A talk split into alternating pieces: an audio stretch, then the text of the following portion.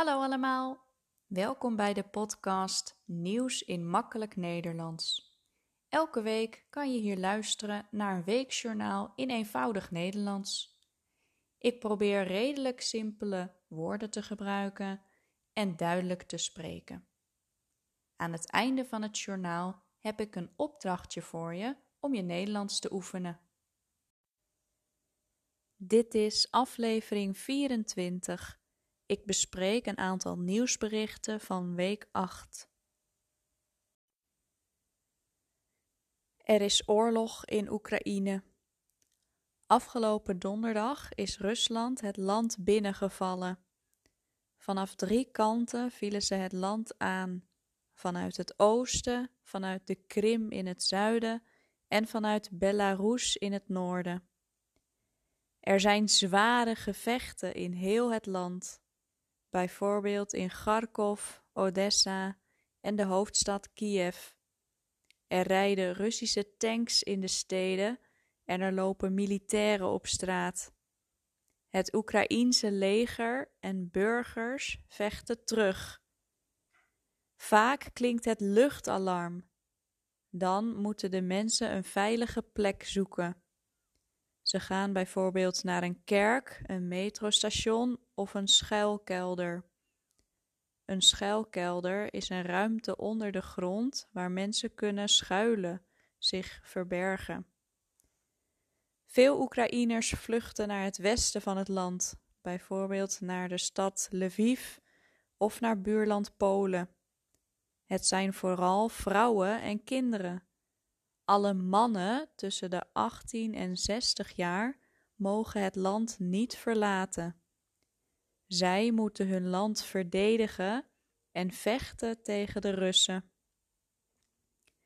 De Oekraïense president Zelensky heeft gezegd dat iedereen een wapen kan krijgen, bijvoorbeeld een Kalashnikov.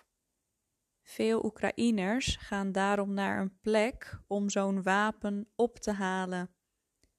Ook heeft de president gezegd dat mensen molotovcocktails moeten maken en wegen moeten blokkeren. Iedereen moet meehelpen om het leger van Poetin te verslaan. Zelensky is zelf nog steeds in Kiev. Hij wil daar blijven en niet opgeven. In verschillende steden in de wereld zijn protesten tegen de oorlog bijvoorbeeld in Vilnius, Lissabon en Tbilisi. Ook in Moskou wordt geprotesteerd, maar dat is heel gevaarlijk. De demonstranten worden gearresteerd door de politie.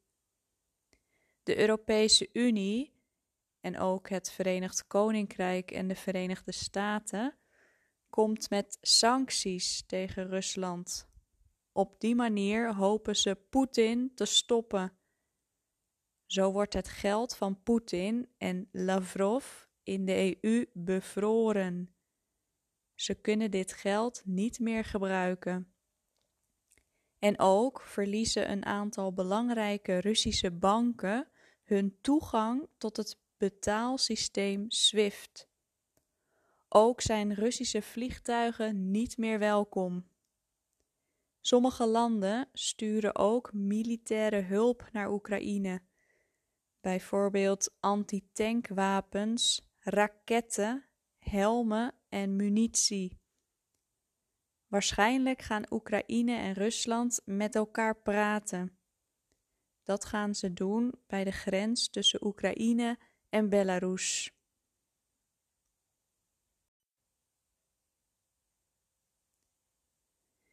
In de Apple Store in Amsterdam heeft een man urenlang een Bulgaarse man gegijzeld.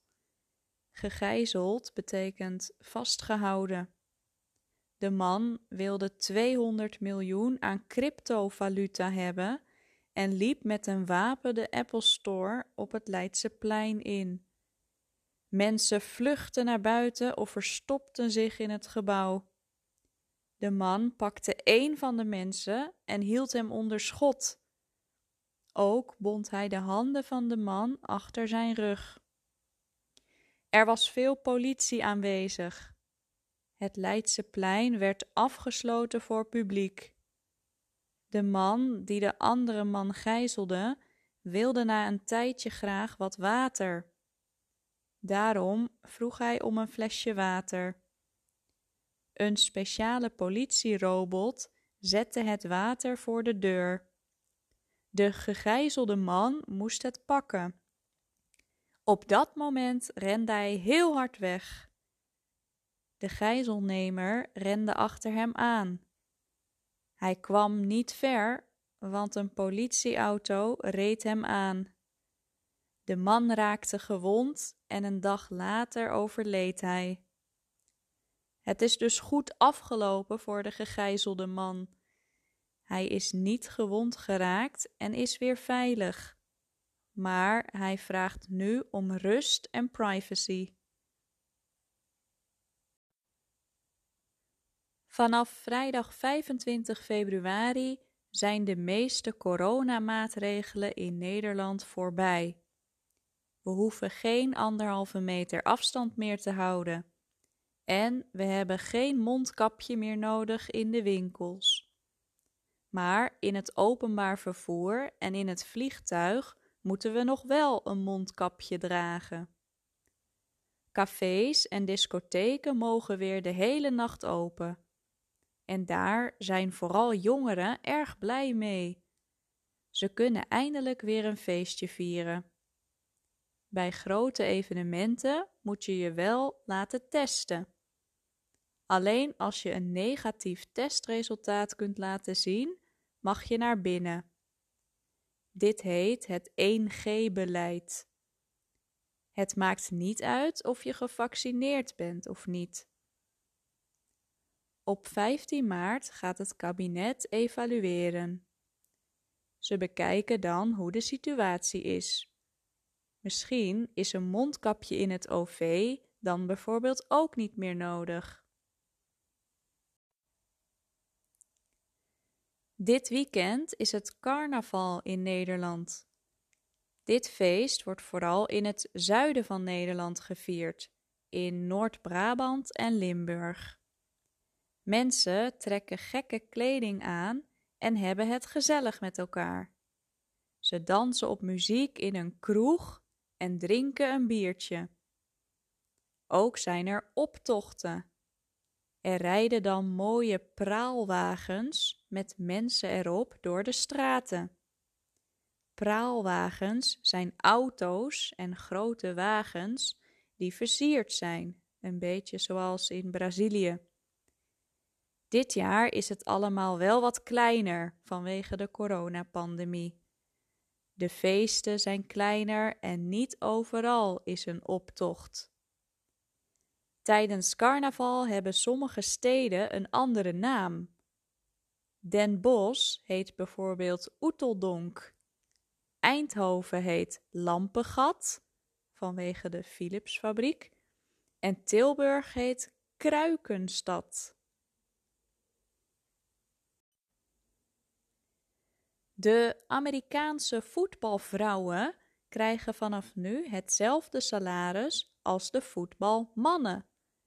Na een paar jaar is er eindelijk een akkoord bereikt. Tot nu kregen de voetbalvrouwen minder geld dan de mannen. Dat vonden de vrouwen niet eerlijk. Ze begonnen een strijd voor een gelijk loon. En dat is nu dus gelukt. In Nederland krijgen de vrouwen ook een steeds hoger salaris. Vanaf 2023 krijgen zij waarschijnlijk hetzelfde als de mannen. En dan nu het opdrachtje van deze week om je Nederlands te oefenen. Deze week gaat de opdracht over voetbal. Wat vind jij van deze sport? Is het een belangrijke sport in jouw geboorteland? Kijk je graag naar voetbalwedstrijden op tv? Voetbal je zelf ook? Of als je niet van voetbal houdt, waarom vind je het niet leuk? Welke sport vind je wel leuk? Schrijf het op of bespreek het met anderen. Dat was het voor deze week. Wil je de tekst ontvangen van deze aflevering? Stuur dan een mailtje naar nieuwsinmakkelijknederlands.hotmail.com Bedankt voor het luisteren en tot volgende week.